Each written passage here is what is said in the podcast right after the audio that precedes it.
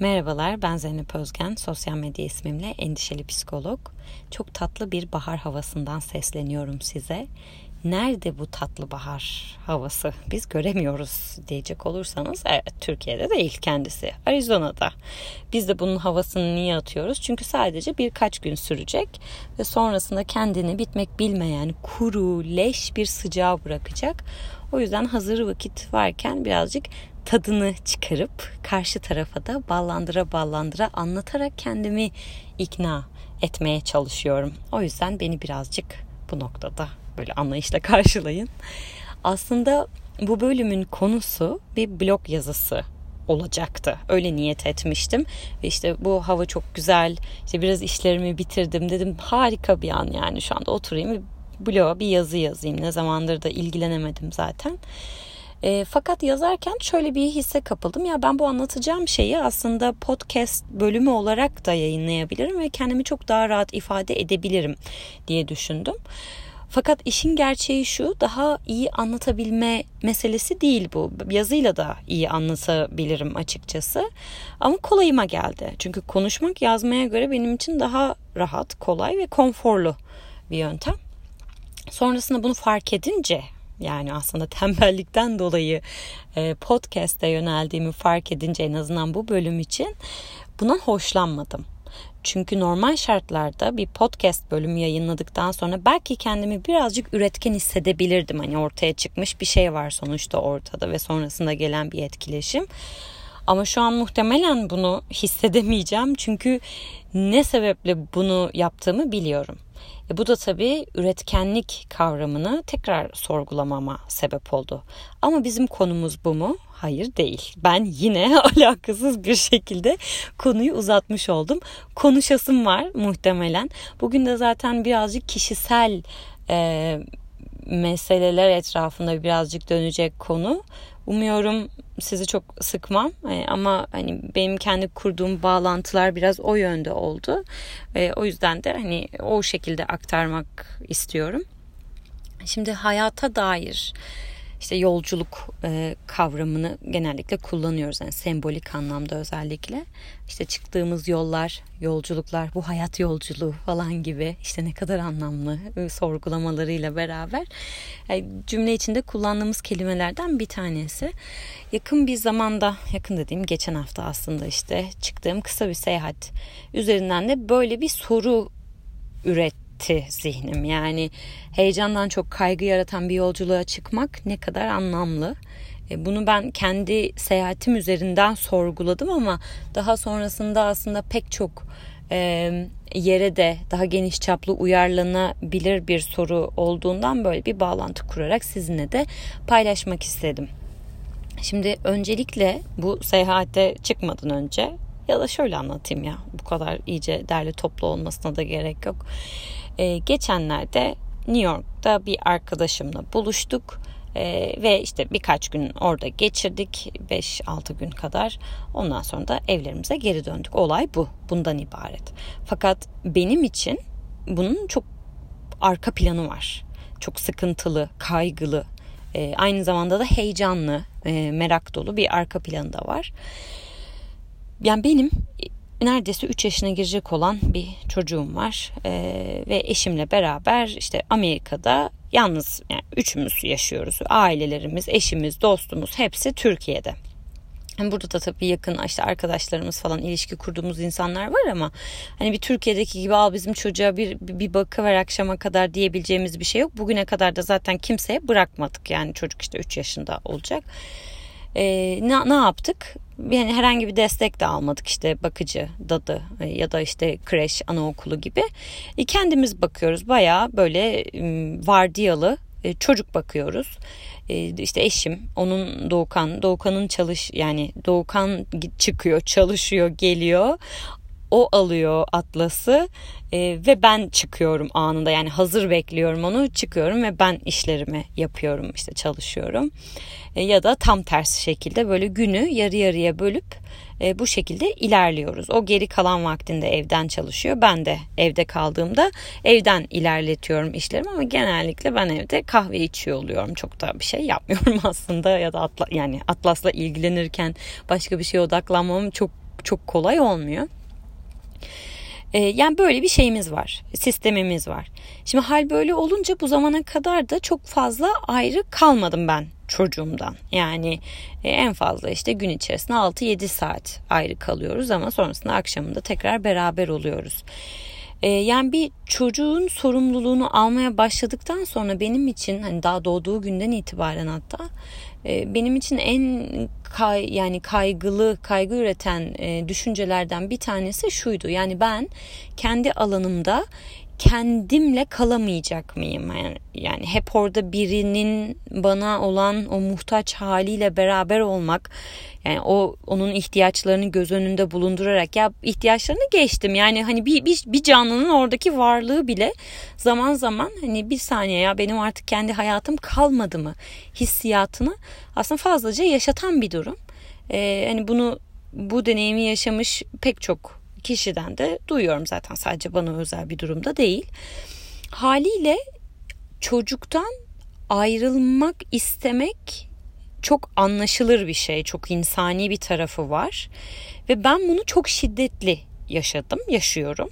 Ee, o çünkü kendi alanımı koruyabilmek benim için çok kıymetli. Ee, yani gerçekten çok kıymetli. Savaş veriyorum her gün bunun için. Kendi içimde böyle bir savaşa gerek var mı ondan bile emin değilim ama e, bununla beraber e, diğer yandan da yani ayrılmak istemeyen de sizsiniz aslında. Yani hani tam ayrılmak istiyorum ama ayrılmak da istemiyorum aynı zamanda. E, o zaman bu gel gitin yarattığı gerginlik zaten başlı başına insanı çok yoran bir şey duygusal anlamda özellikle. E diğer taraftan e tamam hani bir tanesini seçeyim. Kalmayı seçtiğim zaman e, yani o hani ayr, ayrılamamanın ya da yalnız kalamamanın acısını yaşayabilirsiniz. E bu sefer tamam o zaman yani birazcık yalnız kalayım. E bu sefer de ya aklım çocukta. İşte acaba iyi bakıyorlar mı? İşte suyunu verdiler mi? Şöyle oldu mu? Böyle oldu mu? Hani bir yandan da aslında orayı bırakamama hali.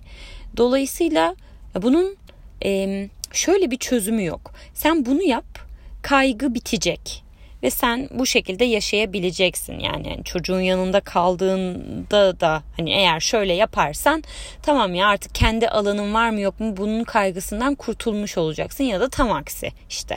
Hani çocuğundan ayrı kalabileceksin ve hiç de kaygılanmayacaksın gibi bir formülü yok. Ama evet her ikisinde yaşayabiliyor olmak gerekiyor. Yine bu insan ihtiyacı çünkü belli bir dengede kalabilmek gerekiyor. E bu dengeyi sağlayacağım tamam nasıl sağlayacağım? Eylemle sağlayacağım. Yani yapmış olmam lazım oturup sadece düşünce boyutunda olduğunda. Hani zaten bir anlamı yok. Bir de bir yandan ekstra daha kaygı üretmeye başlıyor. Düşünce kaygıyı besleyen bir şey bir noktada. Sonuç olarak onu eyleme geçirmek lazım. Ama eyleme geçtiğinizde de e, ben o kadar kaygıyla çıkıp dışarıda oturup bir kahve içeceğime eve gelirim evde otururum ne anladım ben o işten ya da işte tam aksi versiyonu için gibi insanın bir yaklaşımı olabilir. Gayet mantıklı gözüküyor uzaktan. Şimdi bu seyahat yani şimdi çocuk tabii büyüyor ve büyüdükçe kendi ihtiyaçlarını bir şekilde kendi halledebilir hale geliyor. Ee, e, babasıyla da bir diyaloğu var. E, bu zamana kadar tamam yarı zamanlı ben bakıyorum ama yarı zamanlı babası bakıyor. Yani hani o konuda da bir şeyimiz yok, sıkıntımız yok. Bugüne kadar yaşamadık. Ama e, ben mesela şunu hissediyorum. Yani e, eşim rahatlıkla bir iş seyahatine gidebilir, bana güvenle bırakabilir ama yok ben artık benim gerçeğim bu. Ben nereye gidersem gideyim çocuğumla gideceğim. Ee, onun sorumluluğu benim üzerimde. Yani paylaşıyoruz ama evet aslında paylaşmıyoruz. Anneye biniyor yani bir yandan da gibi bir hissiyat. Ha bunun gerçek gerçekliği kişiden kişiye, aileden aileye göre de değişebilir. Yani hakikaten de anneye bu sorumluluk bindiriliyor olabilir. Ya da biraz daha benim gibi anne bunu zihinsel boyutta hayır benim üzerimde çok sorumluluk var aslında gibi de yaşıyor olabilir. Gerçekte bu kadar yoğun olmamasına rağmen. E, şimdi tabii bu hani çocuk da büyüdükçe e, tamam o zaman ben hani hani her şey değişecekti biraz daha rahatlayacaktık falan bakıyorum benim hayatımda çok da bir değişiklik yok yine ne yaparsam e, çocuğumla beraber yapabiliyor olmam gerekiyor gibi bir plan yapıp ve genellikle bazı planlardan da vazgeçiyorum. Zor geliyor ya onun stresine girmek istemiyorum. Zaten e, kıyas yapıyorum. Yani biraz daha hani o keyfi alamayacağım ki diyorum. Yalnız zamanlarımdaki gibi olmayacak ki gibi bir kıyaslama haline geçebiliyorum. Bunun ilk adımını e, zaten şöyle bir şey yaptık. Yani bu e, işte alıştıra alıştıra sizde kaygı yaratan bir durumu e, alıştırarak küçük küçük adımlarla e, o, o alanı yaratmak. Yani onu yaşamaya birazcık müsaade etmek. İşte ayrılmak sizin için stres verici bir şey haline geliyorsa e, işte yavaş yavaş işte her gün birazcık belki bir 15 dakika yürüyüşe çıkmak önce daha sonrasında işte yarım saat bir saat bir kahve daha sonra iki saat bir arkadaşla buluşma gibi böyle e, hani planlı bir şekilde ilerletilebilir. Ee, ben de kendi adıma bunu yaptım bu zamana kadar. Doğduğu günden itibaren işte her gün kendime dışarıya çıkıp bir kahve içme. İlk zamanlar bu şöyle oldu. Oturduğum yerde sürekli mesaj attım. Nasılsınız, iyi misiniz? Ve elimi parmaktan çektiğimde zaten arabaya binip geri döndüm. Yani baktığınız zaman aşırı anlamlı bir eylem gibi gözükmüyor. Ama o bir sonraki aşamaya hazırladığı için aslında çok anlamlı.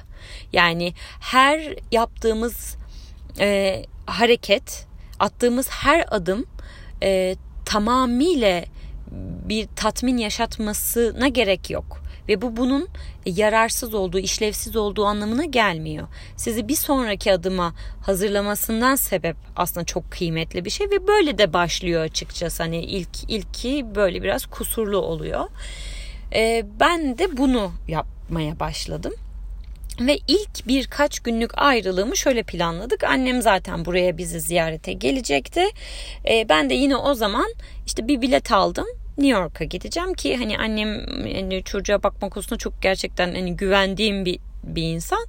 Ee, çok böyle aklımda soru işareti kalmayacak ama tabii o zaman da çok geceleri böyle uykusuz ağlayarak falan geçirdim önden. Yanlış mı yapıyorum, hata mı yapıyorum diye.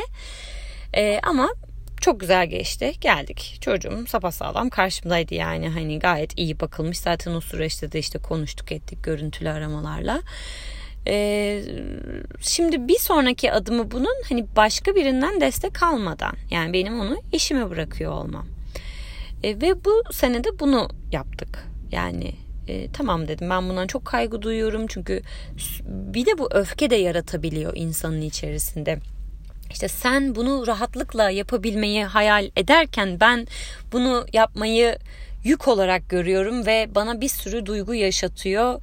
Ee, sen niye bu kadar rahatsın? Ben niye bu kadar rahat olamıyorum? Tabii toplumsal rollerin de getirdiği birazcık yani yani o, o yüklemelerin de çok etkisi var bundan. Ya adam ne yapsın? Hani sen böyle hissediyorsun. Hissetme. Zaten o da yük onun sorumluluğunu alıyor bir noktada. E, sonrasında biz de oturduk böyle bir çözüm. O zaman hadi git bir yere bırak bana deneyimleyelim. Başka türlü olmayacak.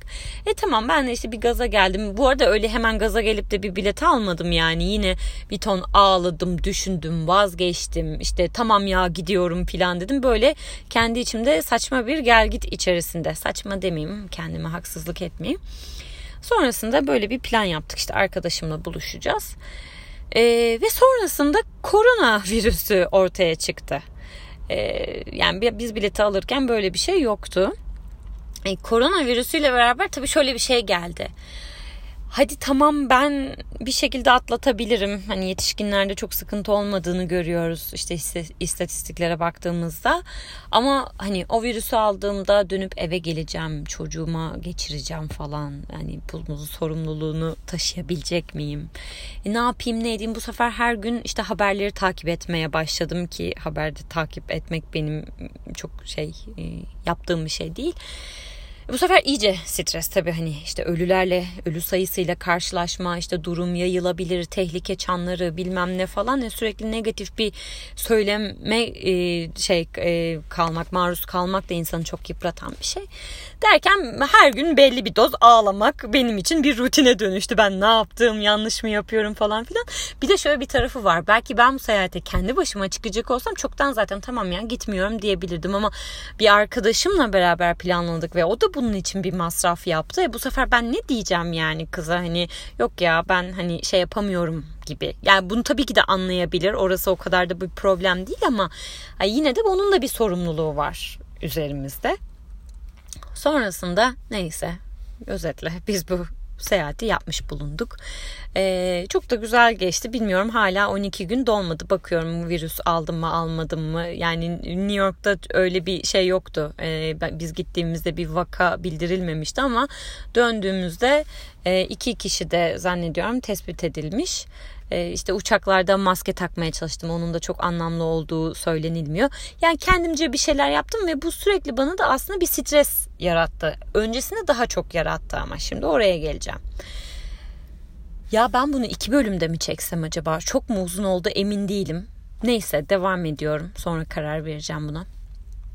Ee, işte sonrasında yola çıktık ve evden dışarıya çıktığım andan itibaren yani kapıdan adım attığım andan itibaren işte çantamla beraber hissiyatım çok farklı bir hal aldı. Yani bir şeyin gerçeğe dönüşmesi ve onun için adım atma gerçekten ona adım atma artık düşünceden çıkarıp eyleme dönüştürme halinin duygusu da çok farklı. Ha, tamamen tamam ya artık çok rahat hissediyorum gibi bir şey değil ama daha baş edilebilir, çözüm üretilebilir. Yani çözüm odaklı yaklaşılabilir bir kaygı ki bu tamam yani bu bunda bir sıkıntı yok. Zaten hayat daha farklı da bir yer değil. Yani kaygısız olduğumuz anların sayısı çok az değil. Ee, o yüzden çok gerçek dışı bir şey değil. Öyle bir beklentiye girmek asa zaten gerçek dışı olurdu. Ama burada eylemin ve o sorumluluğu almanın etkisini bizzat hani daha çok yakından deneyimlemiş biri olarak bir de o şeyden hani teorik olarak bunu zaten hani biliyoruz ama e, deneyimleme daha farklı bir idrak yaşatıyor insana. İşte sonrasında e, hani seyahatimiz de çok güzel geçti. E, yine kaygılı işte metroya binmeyelim o zaman ya kalabalık yerlerde çok durmayalım o zaman. Ne İtalyan mıymış? Ee, yani hani ırkçılık değil tabii ki de niyetimiz ama İtalya'da vaka sayısı belli. O zaman çok konuşmayalım, yol tarif etmeyelim kimseye. Birazcık insan canlısı olmaya verelim gibi sohbetlerle e, böyle kendimizce işte bir şekilde e, geçirdik. Keyif almaya odaklandık. İşte bu süreçte e, işte iletişim halinde olduğum zaten evle, çocuğumla, eşimle filan. E, sonrasında da geldim ve geldiğimde her şeyde normaldi. Dediğim gibi hala bilmiyorum 12 günlük süre dolsun. Eğer korona olduysam onun da bilgisini size ulaştırırım. Ama sonuç olarak bu yolculuğa çıkmak ha ne oldu? Çıkmasam ne olurdu yani? Hani çok mu bir şey kazandım? Alt tarafı biz tatil yani bir seyahat ki tatil bile değil yani zihinsel anlamda çok fazla yorulduğum fiziksel olarak da çok yorulduğum e, yani çok yürüdük ee, yani ortalama 30 bin 40 bin adımlar attık. Hani metroya da binmeyeceğiz şeyiyle e, gazıyla e, biraz bedene de fazla yüklenmiş olduk ama e, yani sonuç olarak sonra mesela ben bunu anneme anlatsam annem ben çok mu gerek var yani böyle bir şeye? Yani kendisi için böyle bir yorum yapabilir. Çünkü ne kazandıracaksan bir şey kazandırmayacak baktığımız zaman. Ee, evet somutta bir kazancım yok ama bu adımı atmış olmak çok daha fazla cesaretli hissettiriyor. Yani ben bu ayrılmayı da yaşayabilirim. Onun getirdiği ağırlıkla da kalabilirim. Bir günü kendime zehir etmeden o ağırlığa da izin vererek, onun sorumluluğunu da alarak o günü de yaşayabilirim. E bu da işte hayata dair daha gerçek bir bağ kurmamız aslında vesile olan bir şey. Çünkü öteki türlü korku ve kaygı e, yönetiyor ve olabildiğince işte o konfor alanı dediğimiz yerde kalmış oluyoruz bir nebze. E, o zaman aslında çok da gerçeğe dokunan bir şey belki yaşamıyoruz. Onu yaşayamadığımız için de o gerçekliğe temas edebil edemediğimiz için de belki doyum seviyemiz bilmiyorum hani bize biraz sıkıntı yaşatıyor. Hani hayattan gerçekten lezzet alıyor muyum? İşte tatmin oluyor muyum? Bu tatmini mutluluk anlamında söylemiyorum. Lezzeti de mutluluk anlamında söylemiyorum. Ama sonuç olarak hani o negatif olarak kabul ettiğimiz işte korku, kaygı, endişe bütün bunlara da bir noktada belli bir oranda müsaade ediyor olmak gerekiyor. Şimdi bu işin biraz daha duygu tarafı. Bir de bunun kontrol boyutu var. Aslında bu şunu da gösteriyor. Yani ben şu anda beni dinleyen kişiler olarak eminim ya hepiniz bir parça bunu hani sadece bu çocukla alakalı bir şey değil hayatımızın herhangi bir alanında bu korku ve kaygıları deneyimlediğinize çok eminim. Yani çünkü bu modern insanın aslında içine düştüğü bir çukur ne yazık ki. Bilmiyoruz gerçi ya. Yani hani bunun yani 18. yüzyılda da çukurlar vardır muhakkak ki böyle. Neyse çok artistik yapmayalım, modern insana yüklenmeyelim. Şimdi kontrol boyutunda da şöyle bir tarafı var.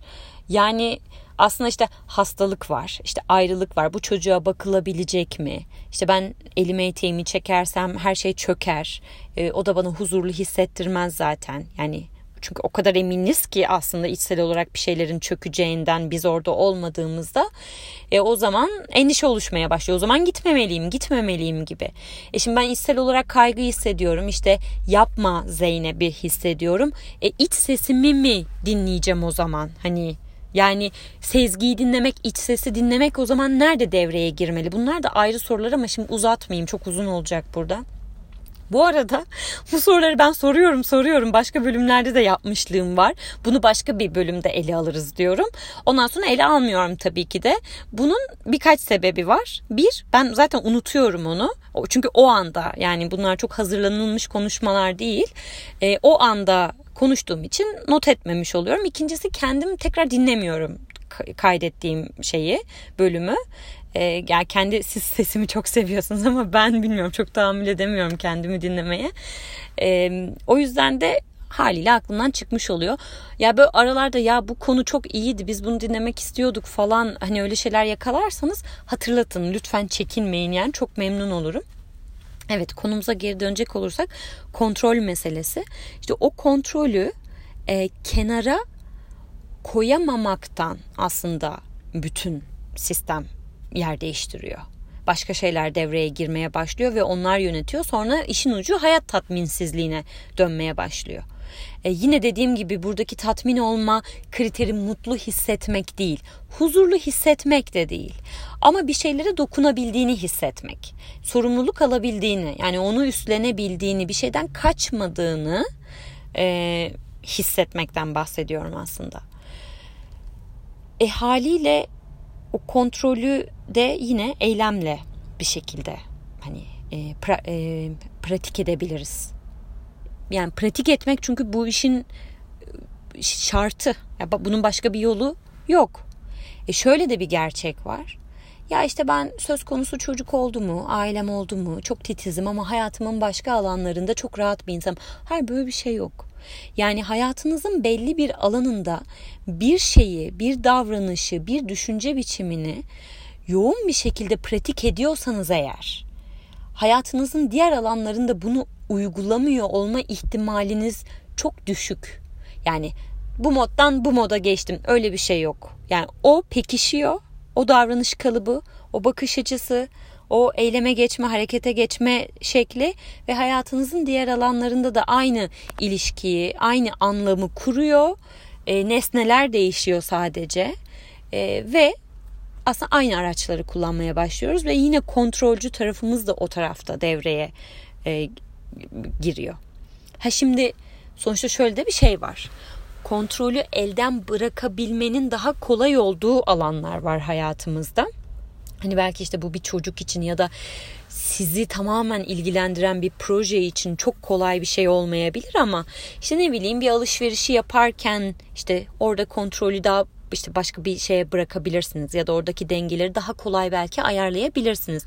Yani pratiğe oradan da başlanabilir. İlla en zor yerden gireceğiz bu sınava diye bir şey yok. E, ama bir noktada o pratik yapılacak yani. E, ben orada böyleyim, şurada böyleyim gibi bir şey o biraz insanın kendini kandırması oluyor ve gün sonunda da belli bir yerde çıkıyor zaten karşısına tokat gibi. Aa ben öyle değilmişim diye. E, o da bir noktada insanı yoran da bir şey. Yorduğu gibi de bu dünyada bizim etrafımızda dönmüyor. Yani bu iş sadece şey değil. Hani ah biz çok yoruluyoruz ya da işte bu kadar kontrolcü olduğumuz zaman işte bizim hayat kalitemiz düşüyor değil. Başkalarının da hayat kalitesi düşüyor. Çünkü siz dünyayı kendi etrafınızda siz değil biz yani hep beraber yapıyoruz bunu. Döndürüyoruz ve bizim çemberimizin içindeki her insan bundan şiddetle etkileniyor. Çünkü çok narsisistik bir yeri besliyoruz buradan baktığımız zaman. Evet, gördüğünüz gibi bir 3-5 günlük seyahat geldi yine varoluşsal yerlere işte mesleki deformasyon. Mesleği ben de isterim. Yani gideyim de işte magnet mi alayım ne alayım ben de bunları düşüneyim ama yine gidip gidip buralara bağlayıp bundan da çok değişik böyle ağzımda böyle acı bir tatla beraber şey çikolatalar vardır ya acımsı çikolatalar öyle de bir lezzet oluşturuyor işte yapacak bir şey yok. Bunu paylaşmak da ayrı bir keyif. Bu arada son podcast'ten sonra işte orada demiştim hani yorumlarınızı benimle paylaşın lütfen çekinmeyin işte oylayın oylayın falan gibi böyle çağrılarda bulunmuştum çirkefçe. Çok teşekkür ediyorum. Çok güzel geri dönüşler aldım. E, mesajlara zaten tek tek genellikle cevap veriyorum. Ama buradan da toplu bir e, teşekkür edip bakın ben de ne kadar çok mesaj alıyorum. E, havasını dağıtmış olayım. Bunun altını çizmiş olayım. Şaka yapıyorum tabii ki. Beni dinlediğiniz için teşekkür ederim. Bir sonraki bölümde görüşmek üzere. Hoşçakalın.